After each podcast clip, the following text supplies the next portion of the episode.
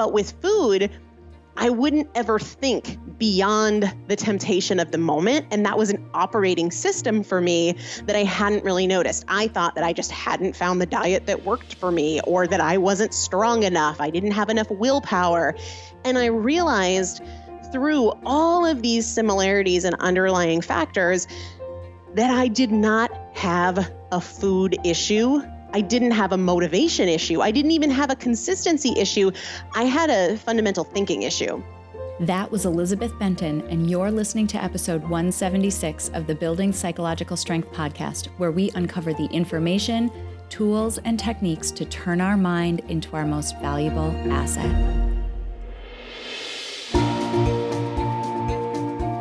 The courage to face fears with persistence being able to be present enough in this moment to choose my response thoughtfully. We have the strength to bend to life stressors, to bend to adversity without snapping, without breaking. There are only six things that contribute to our quality of life, and they are all experiences. In every moment, we are deciding who we want to be and how we want to live our lives noticing what your brain is doing and then being able to make choices. Mobilize the things that we know lift us up. Hey everyone, welcome back to this episode of the Building Psychological Strength podcast. My name is April and I'm your host. I want to say thank you to everybody who is here for yet another episode. We have been through an incredible journey over the last couple of months. And I want to say thank you to everyone who has continued to come back here. I know, man, have our lives been in an upheaval. We have experienced so much change, so much adversity, and we're getting through it. I mean, we're getting there. And I want to thank you for staying on this journey with me, for continuing to come back to the podcast, for working on the aspects of yourself that will help you through adverse times like these, both now with everything we're going through and in the future.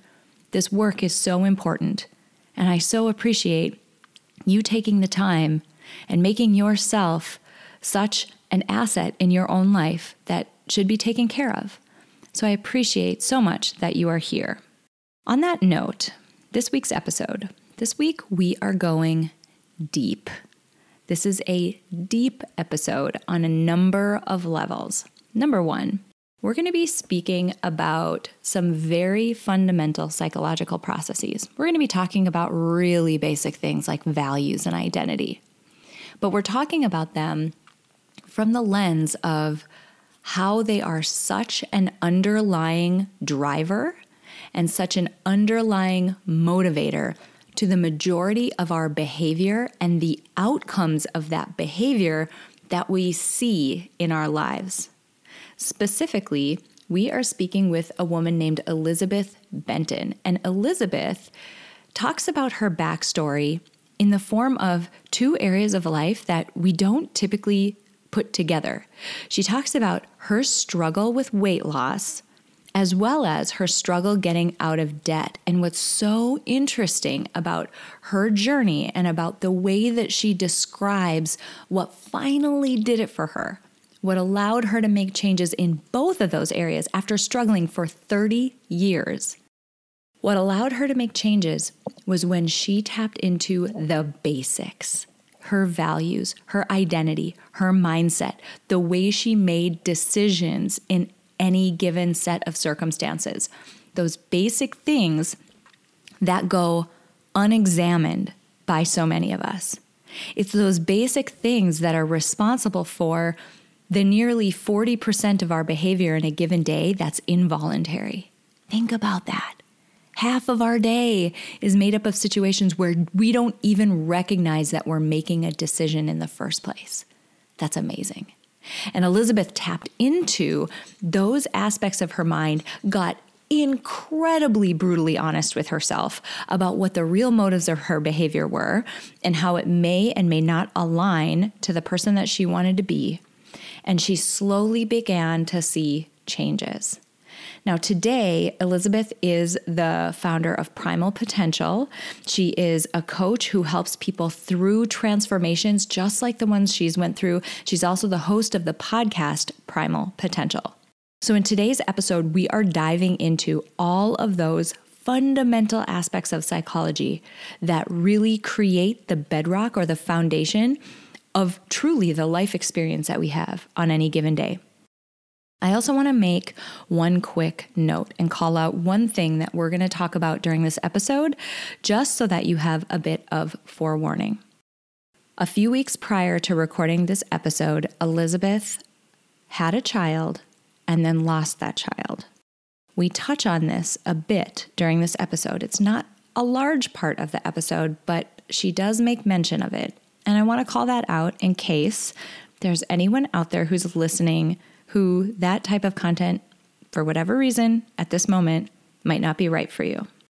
That being said, there's an important lesson, which is the reason why she shared this information and shared her story with us so openly.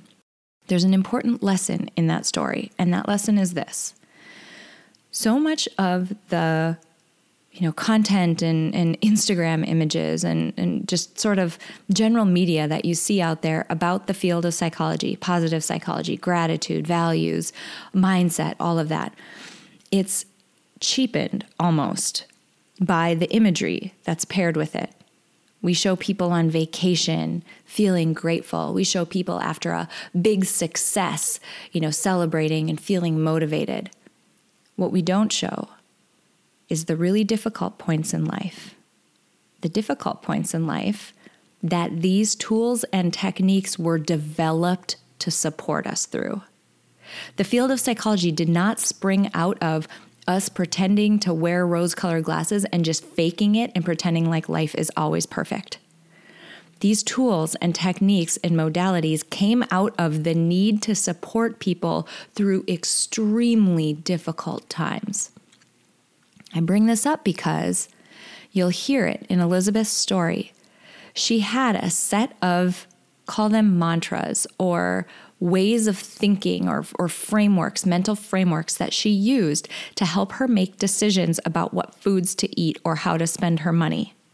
Things like, I have one more good decision left in me.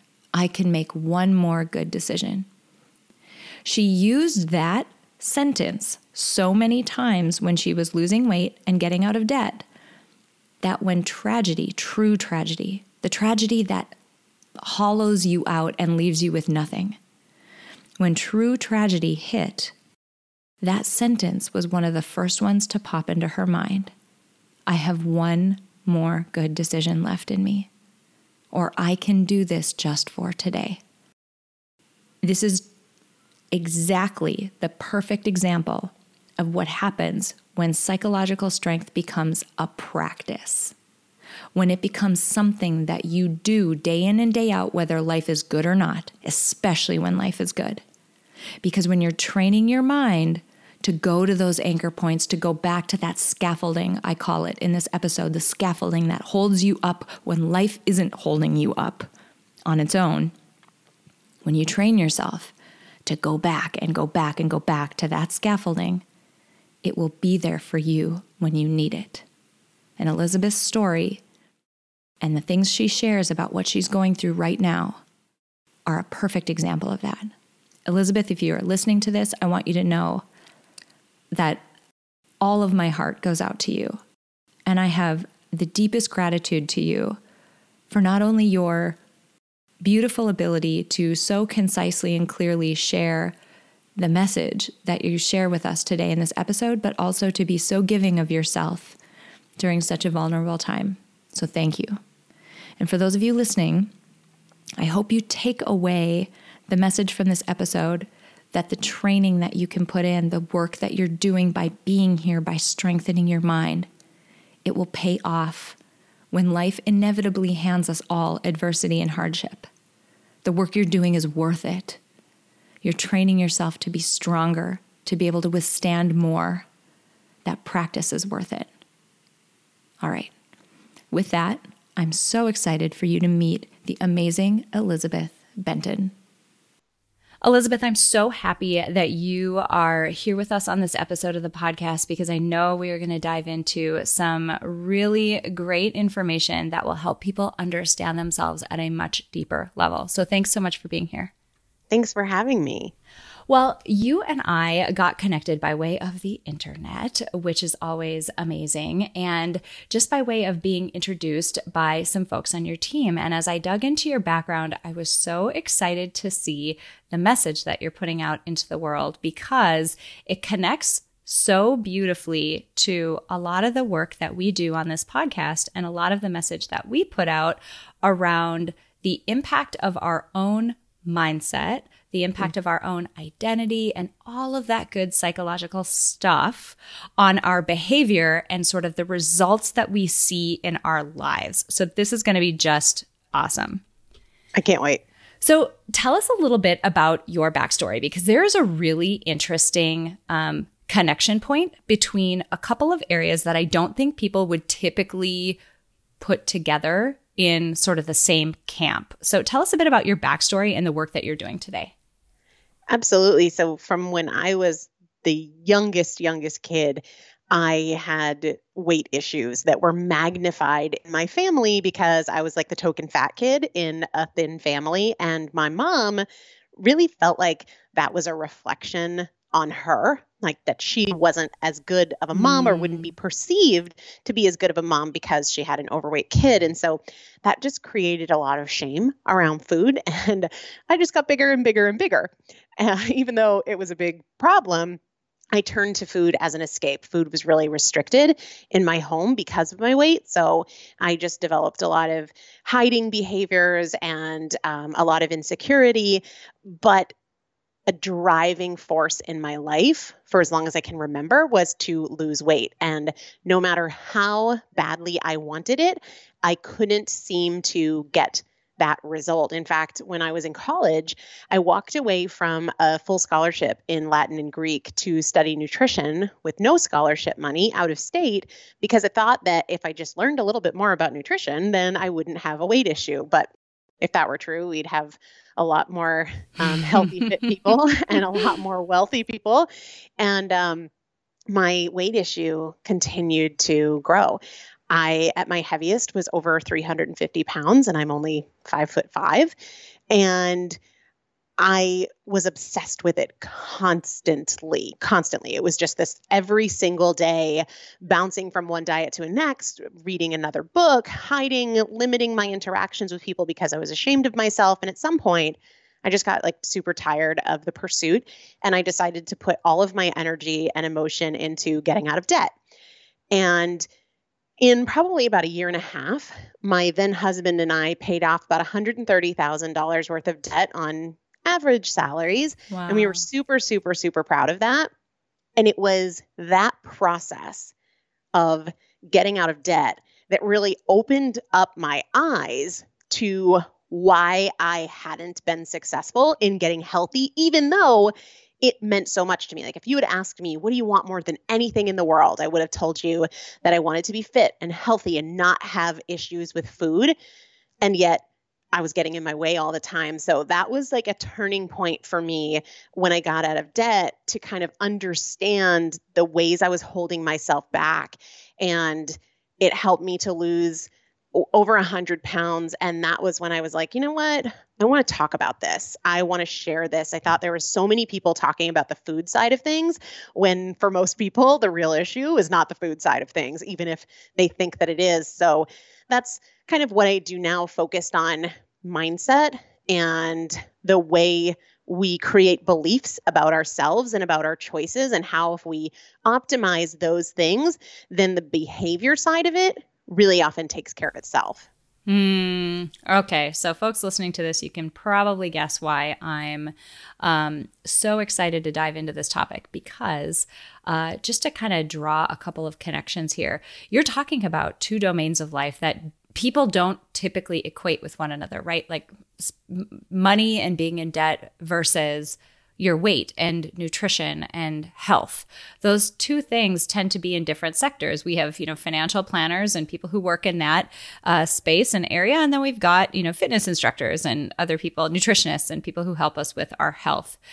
What I suspect and what I'm excited to hear more about, given that you said the M word, right? You said the mindset word. Mm-hmm.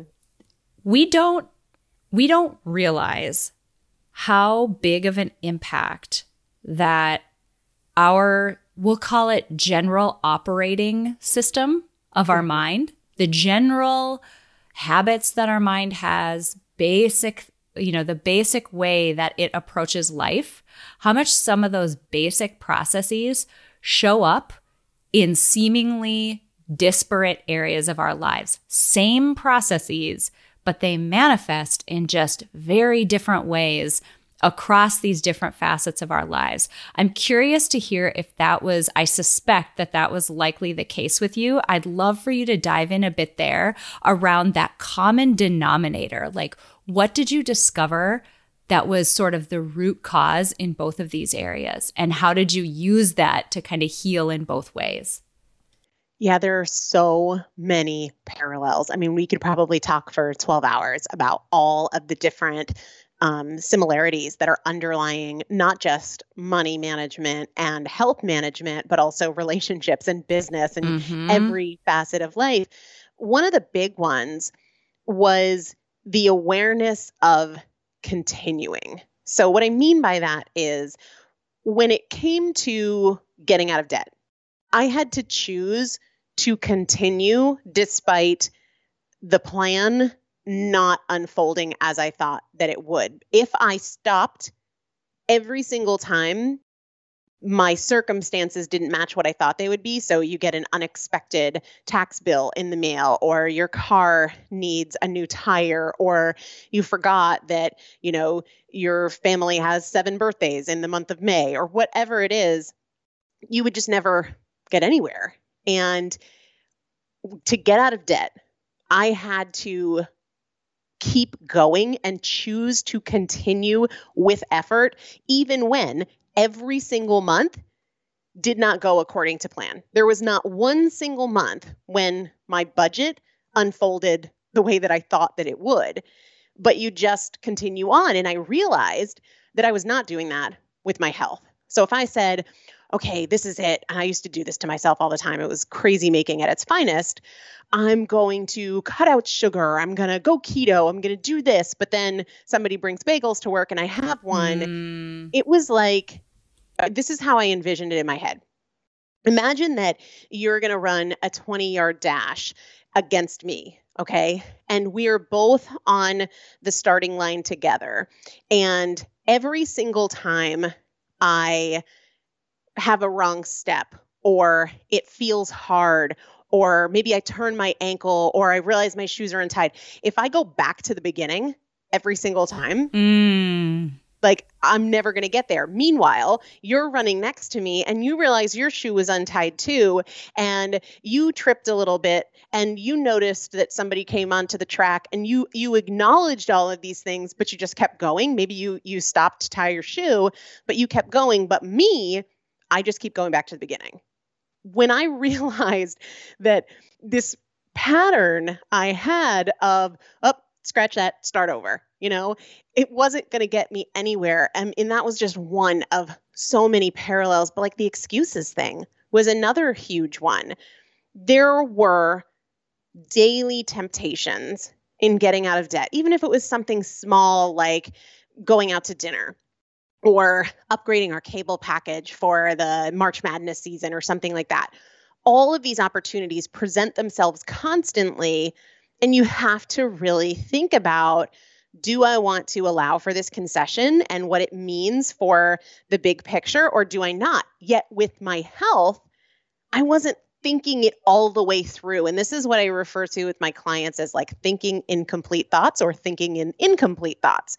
And with my budget, I was very much like, okay, well, you know, if we upgrade our cable package by 50 bucks a month, then that's the impact that it has on our getting out of debt. Is it worth it? But with food, I wouldn't ever think beyond the temptation of the moment. And that was an operating system for me that I hadn't really noticed. I thought that I just hadn't found the diet that worked for me or that I wasn't strong enough. I didn't have enough willpower. And I realized through all of these similarities and underlying factors that I did not have a food issue I didn't have a motivation issue. I didn't even have a consistency issue. I had a fundamental thinking issue. And I had to upgrade my mindset to the same kind of mindset that I brought with me to my job at work, right? Because I didn't go into work being like, I'm just not feeling it today. And, you know, I'm just the kind of person that doesn't really step up. Like, no, I went into work with the operating system of I'm going to be the one to volunteer for projects and I'm going to be the first person in the door and I'm often the last person to leave. And if they need me to work weekends, I'm going to work weekends. I gave more of my mind. I showed up as a better version of myself for my employer than I did for my own self. And when I recognized that this wasn't food, it took a lot of pressure off. There was a lot less drama and judgment and what the heck is wrong with me? I suck, and a lot more deliberate effort towards upgrading the way I was thinking. That's so powerful. It's so powerful on so many levels. We, your point about showing up better for your employer than you are for yourself, how common is that? Like, I just read uh, a book that I'm probably behind. I bet a lot of people have read this book, but something that really hit me with it was the book Essentialism. And in this book, the author talks about he has this notion of protect the asset. And the asset that they're talking about is yourself. You are your own biggest asset, yet we don't protect ourselves, meaning we don't care for ourselves with basic things the way we eat, the way we exercise, sleep, allowing ourselves mental space, all of those basic things that like human animals need. Like we need to just operate okay. We don't protect the asset. Instead, we focus on external things like our jobs and everyone else to our own detriment. So that's so common. That is so common. The other thing, and I'm I'd love to dig in a little bit more here you talked about how with your, you know, say eating patterns or or just health uh, approach to health, it sounded like things were very I'll I'll say unintentional. They were almost it sounds like on autopilot or there were some habits there and what it sounds like is you were making a shift to be more intentional, more deliberate, more thoughtful. And that's not easy. It's really tough for people to interrupt sort of automatic thought slash behavior patterns and even get the mental space to say, wait, I'm actually making a decision right now. I mean, so much of our behavior, I think it's something like 40% in a given day is involuntary behavior that just sort of runs in the background. We just do without even realizing we're making a series of decisions when we do it. How did you get more deliberate about your choices, about your behavior, and even to the point of recognizing that you were making a choice in each of those situations? Does that question make sense? It totally does. And here's why I think so many people struggle with intentionality because in the moment, they want to do that thing that intentionality would have them not do. And so when we're in this place where, yeah, I know I could talk myself out of the ice cream, the donut, buying the shoes, whatever, writing the snarky email. But in this heightened moment, I don't want to. So I'm not incentivized in this moment to do that work because, in fact, doing that work means I don't get what I want right now. Mm-hmm. Right. And so, mm-hmm. as people who are hardwired to seek pleasure and avoid pain, that's the rub. So, what was way more effective for me because I tried all those things and just it was like, I don't want to. Yes. Could I talk myself out of going for Mexican food? Yes. Do I want to talk myself out of going for Mexican food? No. I will deal with it tomorrow. And I really was well intentioned. When I said, I'll start tomorrow, I'll do better tomorrow, I believed it, right? But tomorrow was going to look exactly the same as today.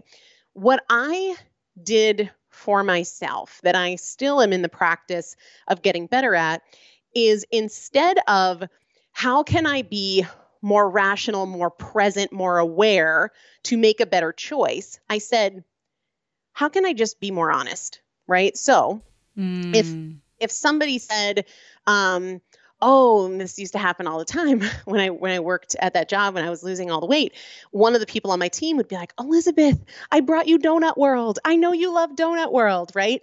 My practice was not okay let's think about all the reasons you don't want the donut and you can't have it. Rather my practice was i just want to think better about this. Even if I choose the donut, right, I want to be fully honest with myself, not for the sake of not having the donut, but just to practice being more honest. So instead of this, I'll start tomorrow, which was well intended but dishonest because I knew it didn't work. And I knew that I could have the same exact excuse present itself the next day and I wouldn't be any better or any stronger or any more complete in my thought process. My practice was just instead of seeing this as a donut would be good and not having the donut would suck, I would ask myself to see all of it, right? The entire perspective instead of just this corner of the truth. And and that that terminology has stuck with me. And I share it so often that oftentimes all we consider is an emotional or a familiar fragment of truth. So if you were to come into my office right now and you were to stand in the corner and I were to ask you, you know, what color is this room? You would say white. And in that moment, it's because that's all you see as you stand there in this small piece of the room, you just see white. Well, what you don't see is blue. What you don't see is brown. If you were to just step back, it's not that white is wrong, right? It's just that there's other things there. Mm. And I was hmm. in a practice of bringing my awareness to what else is here, what else is relevant, what am I ignoring? Instead of putting the pressure on, like, you better make a good choice, don't screw it up, you said you weren't going to do this today, my training was just to become a more complete thinker. And that is my training now too. And it took a lot of the pressure off, but I also started to really quickly see how much smoke I'd been blowing up my butt for so long. Mhm. Uh it's it's funny we talk about this exact thing inside some of our workshops in Peak Mind where we say your mind is incredibly good at justifying your own behavior in a way that feels well, of course. So rational and so logical, right? I'm just, I deserve it. I had such a hard day. I finished mm-hmm. this big project. The donuts are here. They were so nice and thoughtful for bringing them to me. It would be rude if I said no. I've given three very reasonable, logical reasons why I'm going to make that decision. It's not that and here's where I think you're saying be totally honest with yourself. It's not just that, no, I just really want a donut right now. Like I I outside of any of those things happening, I want I want the donut. And that's why I'm I'm leaning toward it. It's not it has nothing to do with the project. It has nothing to do with right. you know my accomplishments that day or how bad I feel toward the team. I'm just using that as a yeah. reason for me to make this decision. Yep. That's uh, so ah, that honesty is so difficult to do. Something else that you mentioned that I want to go back to and touch on. A bit ago, you you started to dip your toe in the notion of identity around I'm the type of person who mm-hmm. or people like me and fill in that blank. I'm wondering if you can dive in there a little bit because this is another one of those things where it's another sort of standard operating procedure that our mind creates Mm-hmm. That is very habitual. It is very powerful, especially when you're talking about repeated behavior or involuntary behavior or v- behavior that can be involuntary. How did your idea of who you were, your identity, how did that play into the choices you were making or the behaviors you were doing before and then as you transitioned, you know, to the point where you were losing weight, getting out of debt, all of that?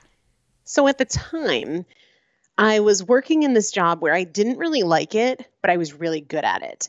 And if somebody would have said, you know, like, tell me about Elizabeth at work, or even if you had asked me, tell me about your work, tell me about, you know, why you've gotten three or four promotions inside of a year, I would have said, because I volunteer to do stuff, because I'm always the first person in the office, because I'm often the last person to leave, because I don't let what I don't know scare me. I ask questions. I believe that anything that needs to be done, I can figure it out and I can learn.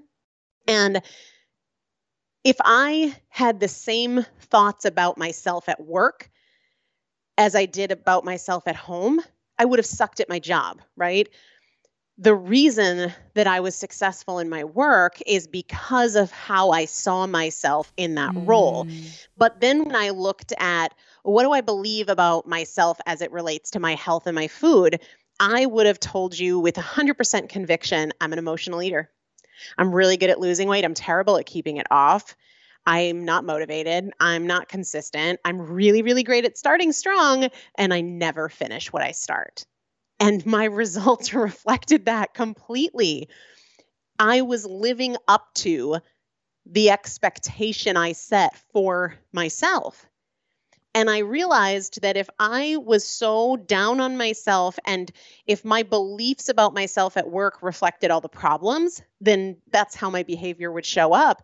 Same thing like if if in terms of debt I thought like, well this is never going to happen because every single month something comes up and no matter how hard we try, we can't stick to our budget. If I believed that about myself related to money and my process in getting out of debt, we never would have kept going so at that moment when i started to see how i saw myself as an employee how i saw myself with money i realized there was a big freaking problem with how i saw myself with regards to food.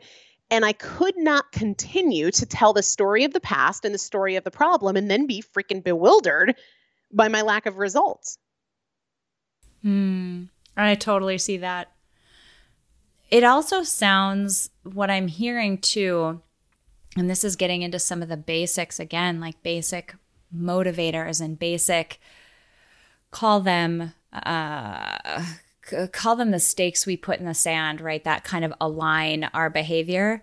A lot of times that has to do with our value system, like the things that we the things that we want to live by right mm-hmm. the the way that we want to show up the the adjectives that or adverbs that we want people to assign us you know, in terms of our behavior, the way that we are most of the time.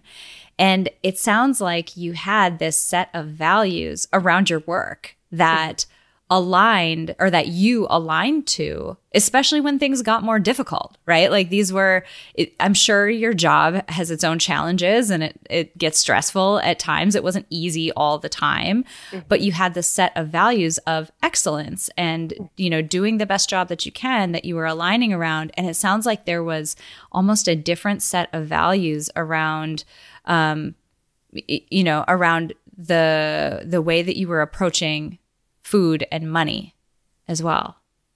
Yeah, I knew who and how I wanted to be, and I had no belief in my ability to be that person.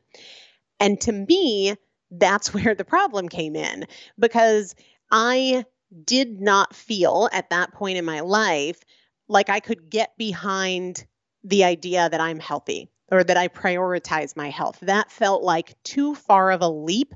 And it was one of those things that I would just roll my eyes and think, well, that's great if that's you, but it's so not me. And I have 30 years to prove to you that that's so not me. What I did instead was look for what I could believe.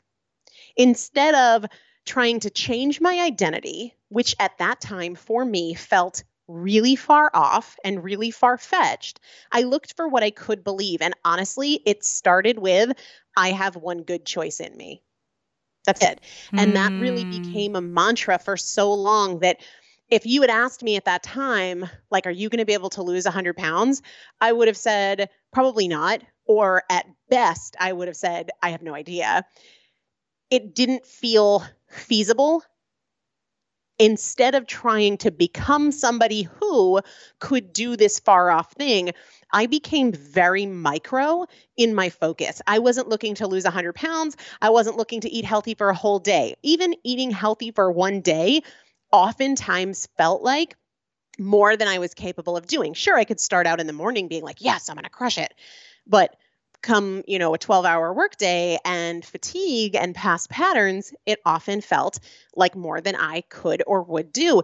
So I would just say to myself, I have one more good choice in me. Or I would say, as that built and I and I got some of those moments under my belt, I would say, just for today right? So somebody brings in Donut World just for today, I'm going to say no. But here's the deal if tomorrow comes and I'm really dying for Donut World, I'm going to drive there and I'm going to get a donut. And it's just not dramatic. And I would focus on at first, I have one more good choice in me. I still use that. And also just for today. And then the drama piece of it was a thing I had to practice out. I had been so dramatic about food and my choices and my weight for so long that I didn't know how to not be dramatic about it. And that was just a continuous practice of being a little bit more objective and far less subjective about things like food and body and health. That makes so much sense. And I can imagine that taking that micro approach to it, right? This is just about this one decision. I am not marrying this lifestyle. This mm-hmm. is about this one decision that I'm making right now, or something that I'm doing, as you mentioned, just for today, that removes, as you said, like it re- removes the pressure on that that activity or that that direction that you're going. Maybe in some way you're saying, yes, this decision is part of a larger grand, grand master plan. But when you tell someone who is really making a difficult behavior change, you can never do this again. Like you're mm-hmm. never going to get it again. It is like crushing the weight of that. It's hard to even imagine being able to go, you know, forward in this new lifestyle without that thing. Like and it's so unnecessarily dramatic. Yes. Yes. Oh my goodness. What I love about this conversation is we have hit on so many of the fundamentals, right? And this goes right back to something you said at the beginning where it's not about the food. Mm-hmm. It's not about the budget necessarily. It's not about like our surface level observable behavior and the outcomes that we can see. There's a deep glacier underneath there of values and identity and mindset and deliberate choices. There's a huge glacier underneath there that drives all of that before you even get to the point that you can see an outcome. And that's like the, the connection point between literally everything in our lives, as you mentioned at the beginning of the episode. Yeah, I always refer to it, um, and I write. I think I did like an entire chapter on this in my book because it's so important. I'm really glad you brought it up. The difference between smoke and fire, and I, the smoke is is what we can see. It's what we can smell. It's what is very very obvious to us. Just like you know, you burn your breakfast and you are going to respond to the smoke because that's what's present first. And for me, that obvious, visible, tangible thing in my life was my weight. And so I would chase around a million different things to clear the smoke. I just need to eat better. I need to try this diet and this, that, and the other thing. But while I could clear the smoke a little bit, there was a source. There was something that the smoke was coming from, and I never put out the fire and when I did, the smoke takes care of itself, right? But I hadn't I didn't have the awareness of the fact that this smoke that I see, the weight issue, the food issue, is coming from something else. And until I said, you know, let's leave the smoke for now, let's figure out the fire, let's extinguish the fire, it wasn't until then that there just wasn't a smoke issue anymore. Hmm. It makes so much sense. It makes so much sense. And I love that analogy, the difference between smoke and a fire, because it is, it's the it's the ripple effect versus the core cause. And so many times that core cause is it's just so much more stable. It's so much more um it's deeper than mm-hmm. a lot of us are willing to dig mm-hmm. in a mm-hmm. given day. Yeah. And it requires to again another point that you made, it requires a level of honesty that can be terrifying to go well there. and people are like don't talk to me about the fire. Don't you see all the smoke? Like, right you know like i'm right. too busy dealing with the smoke. Like i have a real problem here. I know for me if you had said like well let's talk about your beliefs about yourself i would have said i don't need to do that. I need to lose weight. Okay? So right. back off with all of that mumbo jumbo. Can't you see i have a weight problem? Right. Um because when we're in it all we see is the smoke and i get that because i lived that. And you know it these strategies were so profound for things like weight and debt. But it's not just that right? I mean somebody listening who's never had a weight problem or who's never had a financial problem those are the same strategies that i'm using now. I have one more good choice in me just for today all of those things you know i shared with you before we started recording that i lost my child um, as of when we're recording this just a few weeks ago.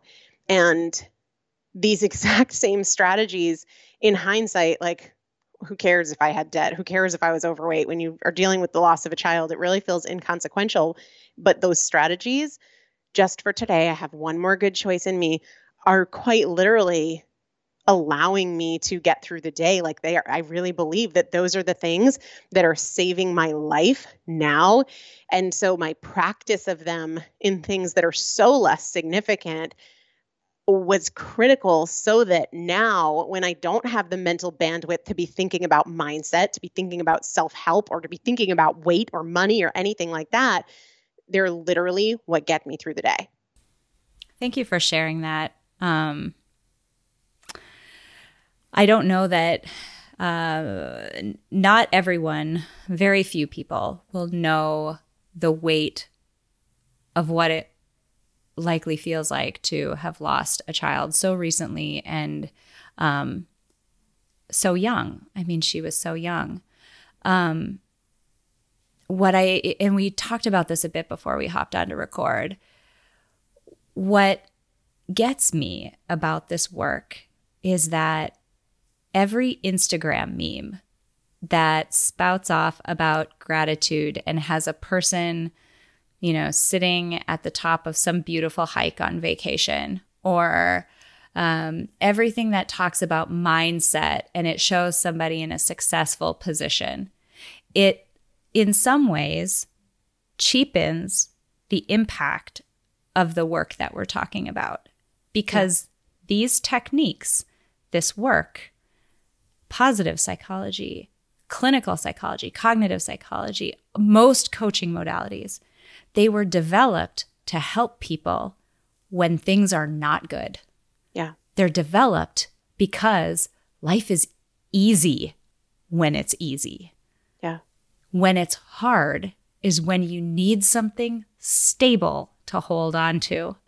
And the techniques you're talking about are that, call it scaffolding framework that when you don't feel steady, you can hold on to because they are the solid bedrock connection points that can hold you up when life isn't doing it for you, right? Yeah. When it's not good.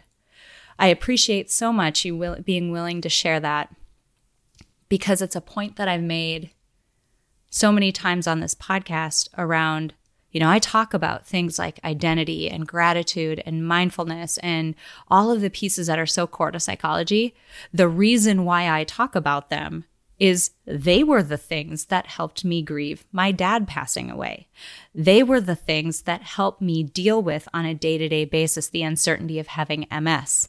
Like these aren't things that I do because I've had a rosy day and it's easy. And exactly to your point and your experience that you're going through right now, these are the tools that help you weather life, even when you're in an incredibly low point. So I appreciate you sharing that. Yeah, I think it's so important to do because, you know, when you're working with positive psychology or or any kind of mindset or mindfulness work, to deal with work stress or relationship tension or, um, you know, negative body image or something, it doesn't necessarily feel urgent. You know, like we can weather those things without these tools. And so maybe we don't hold ourselves to the standard of consistent practice because sure it would be nice if we didn't have this problem but we're fine we're fine and i just want to encourage everybody to really do that work and really take it seriously and really invest in it because while of course i pray that no one's ever in you know a situation like i am in now life will bring all of us hard things and i i honestly I wouldn't be recording this podcast right now. I wouldn't be working right now. I, I don't know that I would have been able to get out of bed um, once, never mind day after day after unexpectedly losing a child, if it weren't for the effort and the seriousness that I gave to these things when life was easier. Mm-hmm. I totally agree. And that practice that you can put in place, I would encourage every single person who's listening to this who is not in a position where you urgently need these tools and this scaffolding. I would urge you to put a practice in place now because the more you've had that ingrained in your life, the more when something comes like comes up like this, the more you immediately know to go to, I have one more good choice in me. That's right. You know, you'd practice mm-hmm. that for years yeah. Until the point when you needed it to come second nature, and it yeah. did. I'm curious with with your background and with how thoughtful you've been about the work that you do. I'm curious about your the way that you would characterize psychological strength. How how would you describe it? I think the biggest pillar of strength to me of having a strong mind is a willingness to be honest, especially when that takes effort, right? Because I know for me, for example, like in, in a romantic relationship, I can just go with my assumptions, with my feelings, with the way I've always reacted. But if I challenge myself to be really honest about another person's perspective, about who I want to be, about what actually happened without the drama I infused into it or the assumptions that I made, it takes a tremendous amount of strength to be a completely honest person, especially when it comes to completely honest with yourself. I totally agree. I love that definition and it's such a it's such an amazing place to start because mm-hmm. self-awareness comes when you're willing to point out and uh, be honest with yourself about things that you might not like or to your yeah. point, that require effort um, yeah. for sure. This has been such a pleasure. Um, I'm hoping you can tell people a bit where to find you, tell them a bit about your podcast, about where they can connect with you if they want more information. Absolutely. So I release three podcast episodes every week. The podcast is called Primal Potential. And um, you can go to primalpotential.com, check out the podcast everywhere. You can find podcasts, or um, you can connect with me on Instagram at Elizabeth Benton. This has been such a pleasure. It has been um, so wonderful talking to you about just this these deep connection points again that inform and direct so much of our lives lots of times without us even realizing and you know from um, one person who's been in the field who has gone through different difficult things um, i just want to say like i have the the most love and the biggest heart for you and for the work you're doing and for everything you're going through right now. Um, so much love and gratitude to you for being here and still putting out this important message even though you yourself are navigating really difficult waters right now. So thank you so much for being here. Thank you for giving me the opportunity to share it's a simple fact that nearly everyone in the world could benefit from building psychological strength. But not everyone will put in the time and effort to do so. But today you did. Thank you so much for listening to this episode of Building Psychological Strength. Now, if you're interested in building the mental toughness, confidence, and resilience you need to thrive through life's ups and downs, visit us at www.peakmindpsychology.com. Also, if there's someone in your life who could benefit from this episode, please share it with them.